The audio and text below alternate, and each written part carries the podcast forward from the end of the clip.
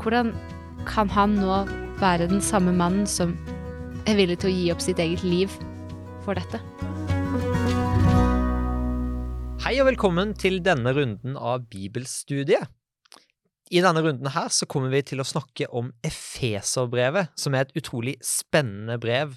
Det er veldig kort, eh, så det tar ikke så lang tid å komme seg gjennom det, men det inneholder utrolig mange tekster som er både oppløftende, men også utfordrende på en del måter. Så jeg gleder meg veldig til vi ja, gjennom nå et par episoder skal jobbe oss gjennom det.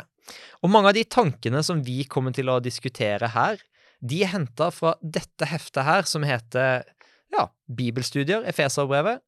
Og hvis du har lyst til å finne det, så selges det på norsk eller bokforlag, kanskje det heter. Og så finner du det også på sabbatskolen.no hvis du har lyst til å finne en eh, internettversjon av det. Men før vi setter i gang, så tenker jeg vi kan holde en bønn sammen. Kjære gode far, tusen takk for at vi kan få lov å sitte her og studere ditt ord og jeg bare ber om at du må fylle oss og de som ser på, med din ånd, og at du kan hjelpe oss til å forstå det vi skal lese. Må vi bli litt bedre kjent med deg gjennom det vi nå skal diskutere. Det ber jeg om i ditt hellige navn. Amen. Ja, med meg i dag så har jeg fått med meg to eh, både gode venner, men også godt kvalifiserte mennesker til å jobbe oss gjennom dette her Efeserbrevet.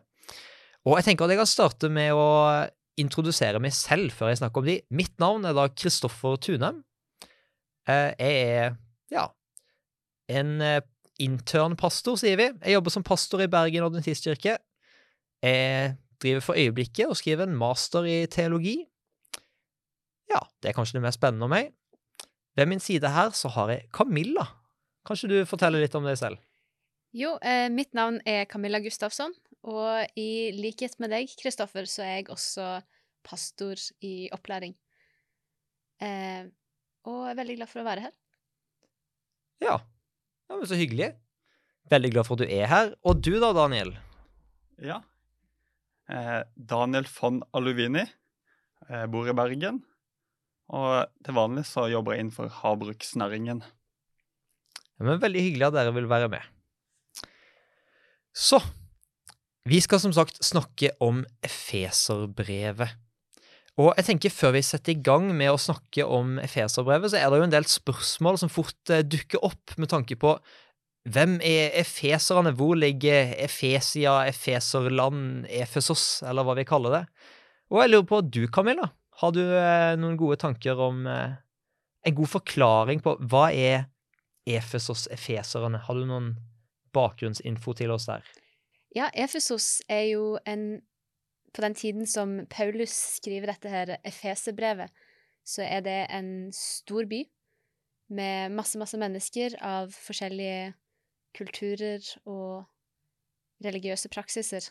Eh, og de som Paulus skriver til, er stort sett folk som før har tilhørt diverse religioner, og så starta å bli med i denne gruppa som kaller seg eh, etter hvert for kristne. Hvis du skulle eh, prøvd å finne en by i dag for å liksom beskrive litt eh, settingen for Efesos, har, du noen tanker om noe som kunne vært en såkalt ekvivalent, noe som minner litt, da? Jeg tenker kanskje, hvis man tenker litt sånn internasjonalt, New mm. York. Ja, jeg tenker Bergen. Du tenker Bergen? Havneby. Ligger mot vest. Ja, for det er også en viktig del av dette. 250 000 innbyggere, ca. som Bergen. Ja.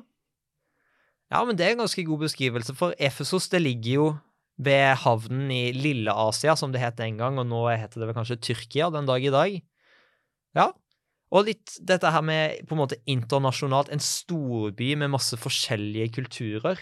Mm. Ja, jeg tror det preger veldig mye av det som vi En metropol?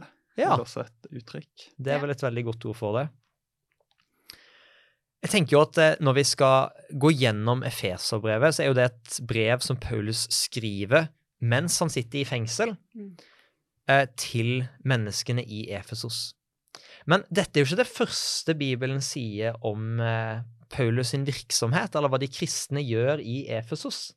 Og jeg tenker at kanskje i dagens episode så fokuserer vi kanskje mer på bakgrunnen, det som skjer før Paulus skriver Efeserbrevet. Og det finner vi i apostlenes gjerninger. Allerede i kapittel 18 så har Paulus litt interaksjon med de som holder til i dette området. Og jeg vet ikke om eh, Ja, kunne du, Daniel, tenke deg å lese apostlenes gjerninger 18, vers 18 til og med 22? Ja. Paulus ble der ennå en tid. Så tok han farvel med brødrene og seilte til Syria sammen med eh, Priskilla og Akvillas i eh, Kenkere. Klippet han nå eh, håret for at han hadde bundet seg med et løfte. Da han kom til Efasos, skilte Paulus lag med de andre og gikk til synagogen og førte samtaler med jødene. Disse ba han om å bli der lenger, men, det, men de sa han nei til. Da han tok farvel, sa han til dem, om Gud vil, kommer jeg til dere en annen gang. Så seilte han ut til Efasos og nådde fram til Cesarea. Da han hadde vært oppe og hilst på menigheten, menigheten dro han til Antiokia. Ja, tusen takk, Daniel. Det, Paulus han er jo nå på en slags rundtur.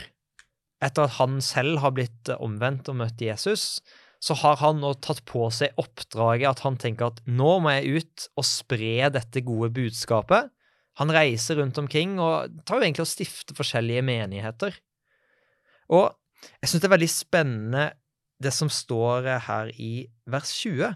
Det at Paulus, når han kommer til Efesos, så drar han til synagogen, der hvor jødene er, og så begynner han å prate med dem. Og så står det at disse ba han om å bli der lenger, men det sa han nei til. Mm. Jeg lurer veldig på hva, hva er det de har snakka om som gjør at de er sånn Paulus, du må ikke dra. Vi får så lite detaljer. Jeg vet ikke, Har dere noen tanker om det? Eh, jeg tenker også dette er en del av eh, apostlenes gjerninger, der det virker som forfatteren bare går litt raskt fram. Mm. Plutselig så hører vi at eh, Paulus har vært hos frisøren i vers 18, og så i vers 19 så drar han til Efesos, og så reiser han videre i vers eh, 22, eller vers 21.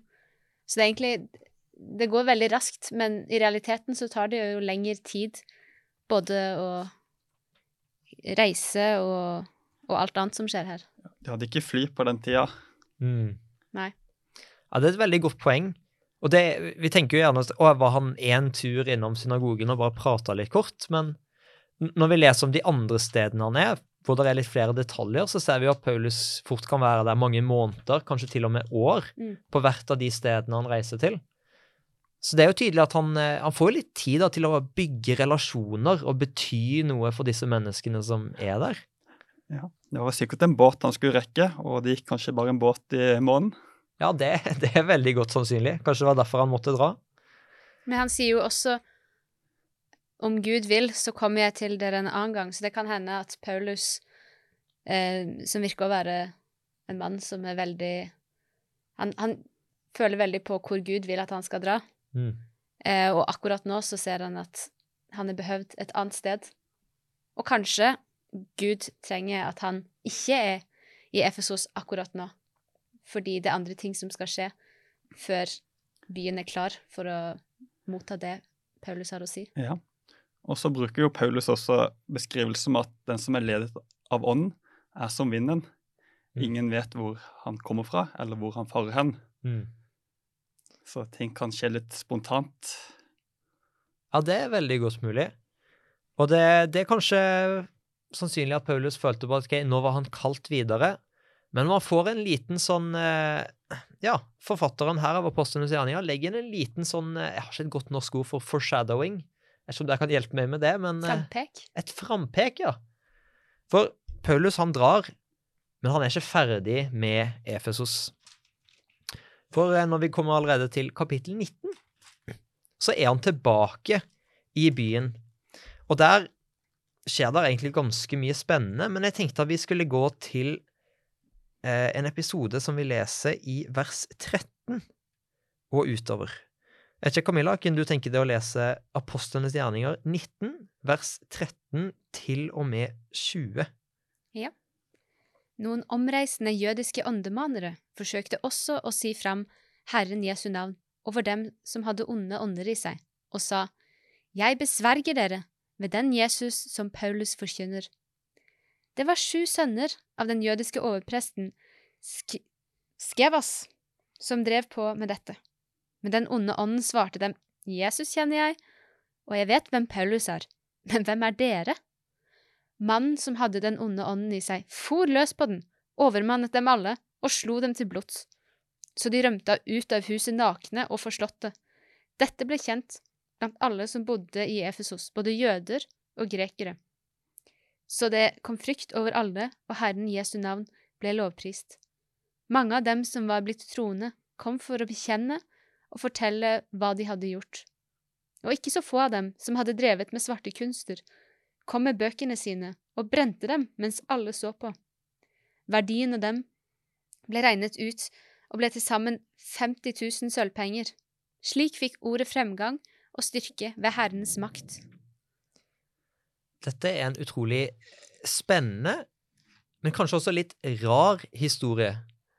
Jeg, jeg tror jeg har lyst til å bruke ordet kulturkrasj. For det er noe her med Paulus, eh, hvis du leser i opptakten til det som skjer her, så leser vi at Paulus han har gjort en del mirakler, eller Jesus har gjort mirakler gjennom Paulus. Mennesker har blitt helbreda, onde ånder har blitt drevet ut. Mm. Og så er det noen som ser dette, og så tenker de hm, ja, kanskje vi også, som åndemaner, kanskje vi skal prøve å gjøre ting i, i, Jesu navn, som denne Paulus snakker om. Hmm. Og så går de og prøver å drive ut noen onde ånder, og så, så svarer tydeligvis åndene bare Hvem er dere? Har dere noen makt? Det er en utrolig merkelig historie. Men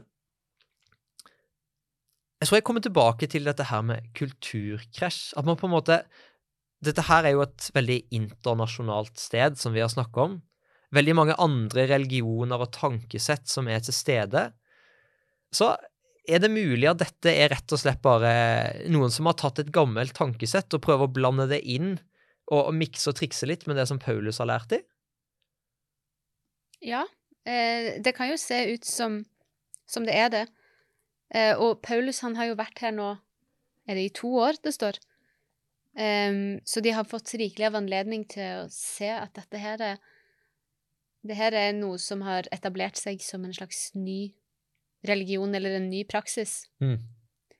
Um, og i den gresk-romerske kulturen så er man jo ikke uvant med å ha forskjellige religioner og troer som er blanda inn i en stor pott.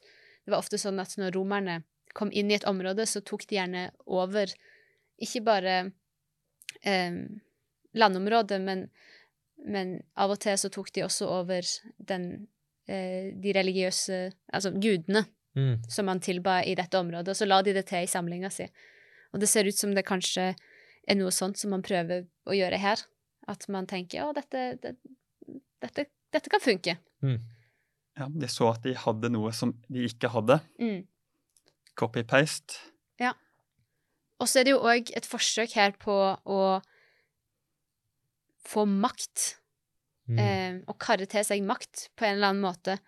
Og derfor liker jeg eh, det som står i vers 20, at slik fikk ordet fremgang og styrke ved Herrens makt. Så det er Mm. ikke noe folk kan gjøre i seg sjøl, det er noe Herren gjør her. Ja, jeg tenker jo at makt er også et veldig godt stikkord i akkurat denne historien her. Mm. Men hva tenker dere er grunnen til at når disse menneskene da kommer og Det virker som de imiterer Paulus og gjør det som han har gjort, som har fungert. Men hvorfor fungerer det ikke for de? De har ikke Den hellige ånd. Oi. Har du lyst til å utdype det litt, Daniel? Ja, de, de er jo, var jo ikke bekjennende troende. Mm. Og Jesus sier at 'uten meg kan dere intet gjøre'. Så Så det var ikke Guds kraft. Og eh, man kan jo gjøre mirakler i den ondes navn, Mm. men da er det ikke fra Gud. Ja, jeg tror det Når vi senere skal gå inn i selve Efeserbrevet, så tar eh, Paulus opp dette her med å være en del av Guds familie, og de blir en del av han og blir ett med Gud. Og jeg tror det er veldig riktig det som du sier, da, med at de er ikke bekjennende, og det virker ikke som at det er et oppriktig forhold til Jesus, eller et oppriktig ønske om å ha noe med han å gjøre, da. Mm. Og at man på den måten kanskje ikke ja, får del i den kraften som er i både Guds ord, men også det å bli fylt av Den hellige ånd. da. Jeg tror det er et veldig godt poeng, Daniel. Når det står eh, kraft, så står det i greske oversettelsen eh, dynam, dynamis. Mm. Så det er jo dynamitt. Jeg har et veldig Ja. godt poeng. Mm. Og det er også det ordet som gjerne ofte oversettes til eh, mirakler også. Dynamis er ofte enten kraft, eller så er det mirakler. Og det er jo nettopp det det handler om, da, å vise eh, tilbake til dette her med styrke, da. At Gud viser at det er en utrolig kraft i å være et forhold til Jesus. Det er en utrolig kraft i å bli fylt av Den hellige ånd. Og den får du ikke av å late som. Mm. Ja, jeg, jeg, liker det du sier der, og, og det viser jo litt at det å være i et forhold med Gud, Mm. det er noe som er en personlig ting. Det det er et, nesten som et mellommenneskelig forhold, bare med den høyeste formen for kjærlighet som man kan eh, tenke seg eller oppleve. Eller ikke tenke seg, til og med. Eh, og disse her, de eh, prøver å kommersialisere det. De prøver å se om de klarer å utnytte dette på en god måte, men eh, for å tjene penger eller for å prøve å være litt kule, eller hva, hva nå enn de ønsker. Eh, men det funker ikke, rett og slett fordi de har missa akkurat dette viktige. Mm. At det dreier seg ikke om Nødvendigvis makt er ikke hovedpoenget, men, men det forholdet som de må ha til, til denne guddommen. Som er helt fremmed for de, fordi de er ikke vant til at guder er noen som du er i et forhold med. Jeg syns jo det er veldig spennende da, når vi tar opp dette her med makt, og det er kanskje ikke så mye makt det dreier seg om. For vi tar jo ofte og trekker et sånn likhetstegn mellom makt og penger. Penger gir en slags frihet og en makt, og det hele denne historien ender med, er jo da at mange av de menneskene som er rundt og, og observerer dette, de tar da alle bøkene de har om ja, åndekunster og måter å utøve makt på, som koster utrolig mye penger, Er det 40 millioner eh, som, som man sier at det koster i, i dagens valuta? Ja, 50 000 sølvpenger, rundt 40 millioner kroner. Er. Samler de sammen bøker, og så brenner de de, som et tegn på at ja, kanskje ikke dette er så viktig allikevel. Mm. Hvordan tror dere tankeprosessen var til de som observerte dette? Hva gikk gjennom hodet deres som leda frem til at de brente bøkene sine? Til de som brente, eller de som ser på bålet? OK, utdyp. Eh, For jeg tenker de som ikke har kanskje opplevd eh, helt det samme som, som disse som brenner bøkene, de må jo tro at de er helt klin sprø. Eh, for det er en sinnssyk ting å brenne bøker til en verdi av 40 000 kroner. 40 millioner kroner. 40 millioner kroner, Ja. unnskyld. Eh, men for de som gjør dette, så er jo det et veldig sterk sterkt tegn på deres overbevisning. Eh, og det tyder på at det de har funnet nå, det er noe som stikker dypere enn deres eh, ønske om å ha penger. Mm. og stikker dypere enn deres eh, Det de har drevet med tidligere. De legger det helt fra seg. Så det svir. Mm. Bokstavelig talt. Ja. ja, nei, det er et veldig godt poeng. Og Videre så leser vi at det, det oppstår litt eh, problemer i området, rett og slett på grunn av alt det som eh, Paulus gjør. Mange av de andre gudene som Det er f.eks. et Artemis-tempel her i Efesos som eh, regnes som et av verdens underverker fordi det er så utrolig vakkert og fullt av edle metaller og rett og slett skikkelig flott. Det står i dag fortsatt. Ja. Ja. Det står kanskje på eh, Unescos verdensarvsliste også, gjør det ikke det? Jo. Ja, det stemmer. Og det Til tross for å ha dette fantastisk flotte tempelet og være på en måte Efesos sin stolthet, Artemis, som da var guden som holdt til der, så merker veldig mange av de som holder til i området, at det kommersielle som Camilla trakk frem da, rundt dette, det har tilbakegang. Så Paulus han skaper store problemer, fordi det er så mange som rett og slett hører det Paulus sier, og blir overbevist. Han ødelegger for forretningslivet, rett og slett, i Ja, Efesos. Som er bygd rundt religion og også andre ting, da. I tillegg til å sørge for at noen brenner verdier til 40 millioner. Ja. Så det er jo tydelig å si at eh, Paulus har utrolig stor påvirkning på det området som han er. Og eh, det er kanskje også derfor, hvor han, når han var her første gangen, at menneskene er sånn Ikke dra, da. For når Paulus er et sted og er fylt av Guds kraft, så skjer det noe utrolig spennende. Mm. Men så kommer jo tiden da hvor han faktisk skal dra. Og det tror jeg enda mer enn første gang må ha vært en veldig trist begivenhet for menneskene i Efesos. Så Paulus, når han skal til å dra, så har han egentlig en lang avskjedstale til eh, kanskje spesielt lederne i det området som han har vært. For ikke bare har han forsynt til alle og enhver, men han har også hatt noen spesifikke mennesker som han har investert litt ekstra i, som han nå skal prøve å sette litt mot i idet han skal til å dra, og si dette går. Og det er en utrolig spennende avskjedstale, og jeg tenker vi skal ta oss tid til å bare se på den litt kort helt til slutt. Så eh, Camilla, Ja. kunne du tenke deg å lese Apostlenes gjerninger 20, skal vi si vers eh, 17 til og med 38? Ja. Fra Miletos sendte han bud til Efesos og kalte til seg menighetens eldste. Da de var kommet, talte han til dem. Dere vet hvordan jeg har gått fram hos dere hele tiden, fra den første dagen jeg satte foten i Asia.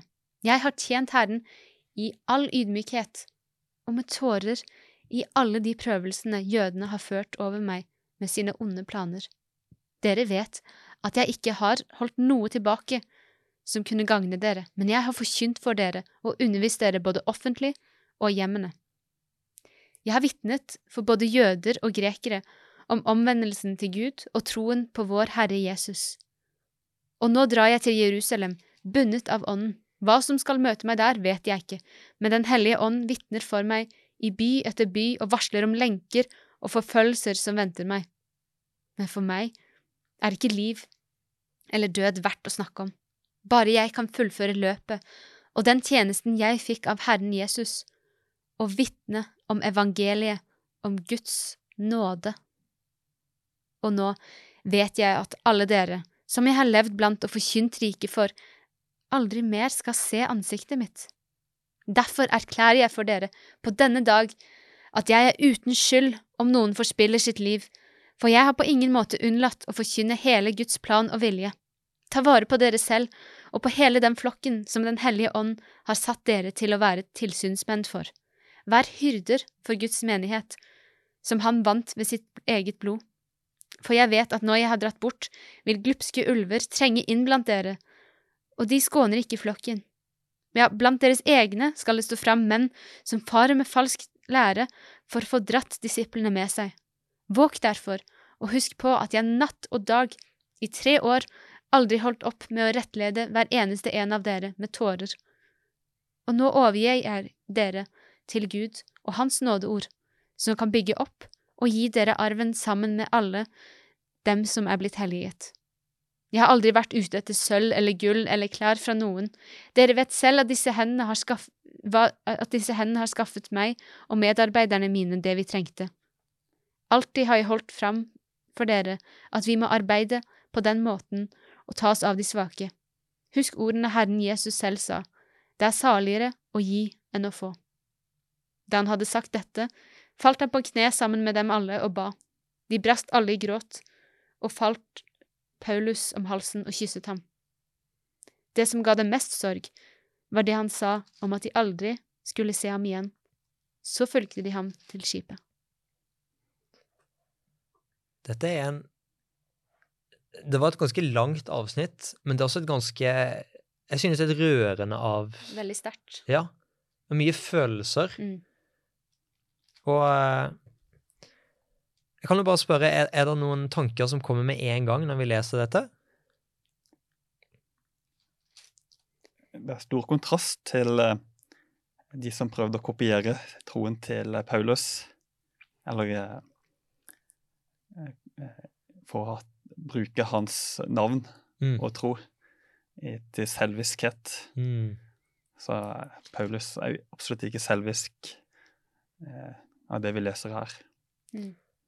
Det er utrolig spennende å se hvor mye han virker å være investert i de menneskene som han har forsynt til. Mm. Hvordan de kommer sammen, de gråter.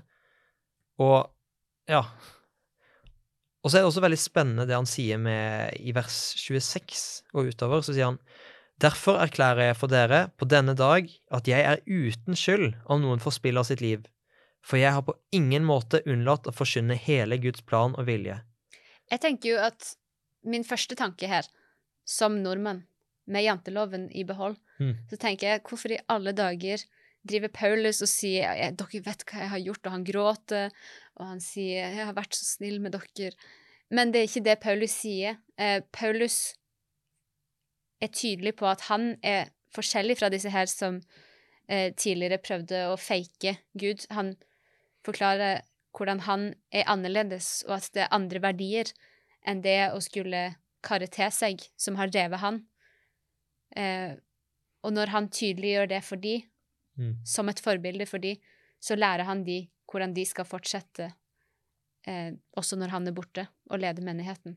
Mm. Så det er ikke for å virke så bra eller, eller høres ut som han er superhelt at han gjør det. Dette er faktisk noe som er mot normen der han er, og handler på den måten. Jeg syns jo han lærer oss eh, noe om eh, på en måte opplæring da, i, i menighetssammenheng. Mm. Hvordan han investerer fullt i mennesker, samtidig som han har noen som han sørger for at når han ikke er der, så går det videre. Mm. Det er noen som kan fortsette å peke de mot den gode hyrden, da. Så kan, ja. Jeg, jeg syns jo også det er veldig sterkt det han sier Han forteller de rett ut at dere kommer aldri til å se meg igjen. Mm. Jeg kommer nå til å dra et sted der jeg kommer til å havne i alvorlige problemer. Det er bare sånn det er. Men så sier han men, i vers 24, men for meg er ikke liv eller død verdt å snakke om, bare jeg kan fullføre løpet og den tjenesten jeg fikk av Herren Jesus, og vitne om evangeliet om Guds nåde. Og evangelium, det er liksom gode nyheter som, som man roper ut om en ny konge, eller at, at det er noe spesielt som har skjedd. Um, og de gode nyhetene her, som Paulus mener er verdt mer enn liv eller død, det er Guds nåde. Mm. Det syns jeg er sterkt. ja.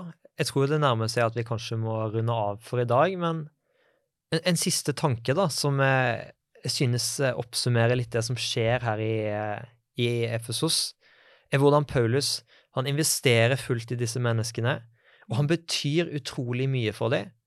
Og jeg tror veldig mange av oss som har kommet til tro, har hatt sånne mennesker i livet som virkelig har betydd mye for vår trosreise, Mm. som har lært oss og pekt oss ja, på veien mot Jesus, da.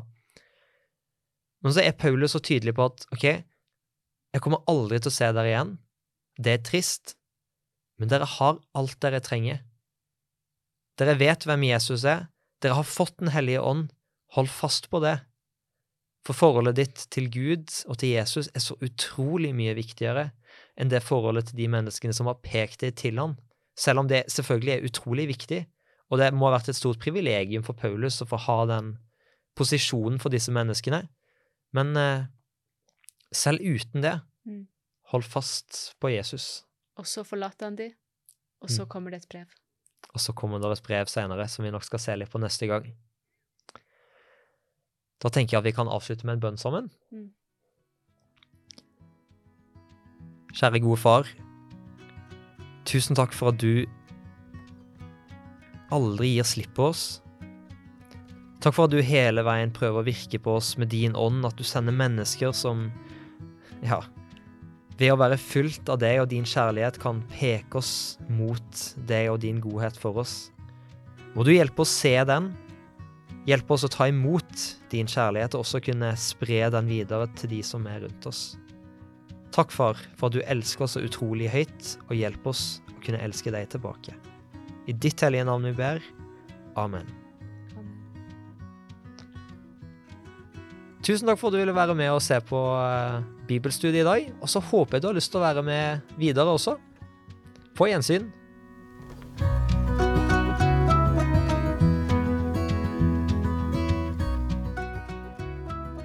Du har nå hørt podkasten Bibelstudier fra Syvendedagsadventistkirken, produsert av Hope Channel Norge.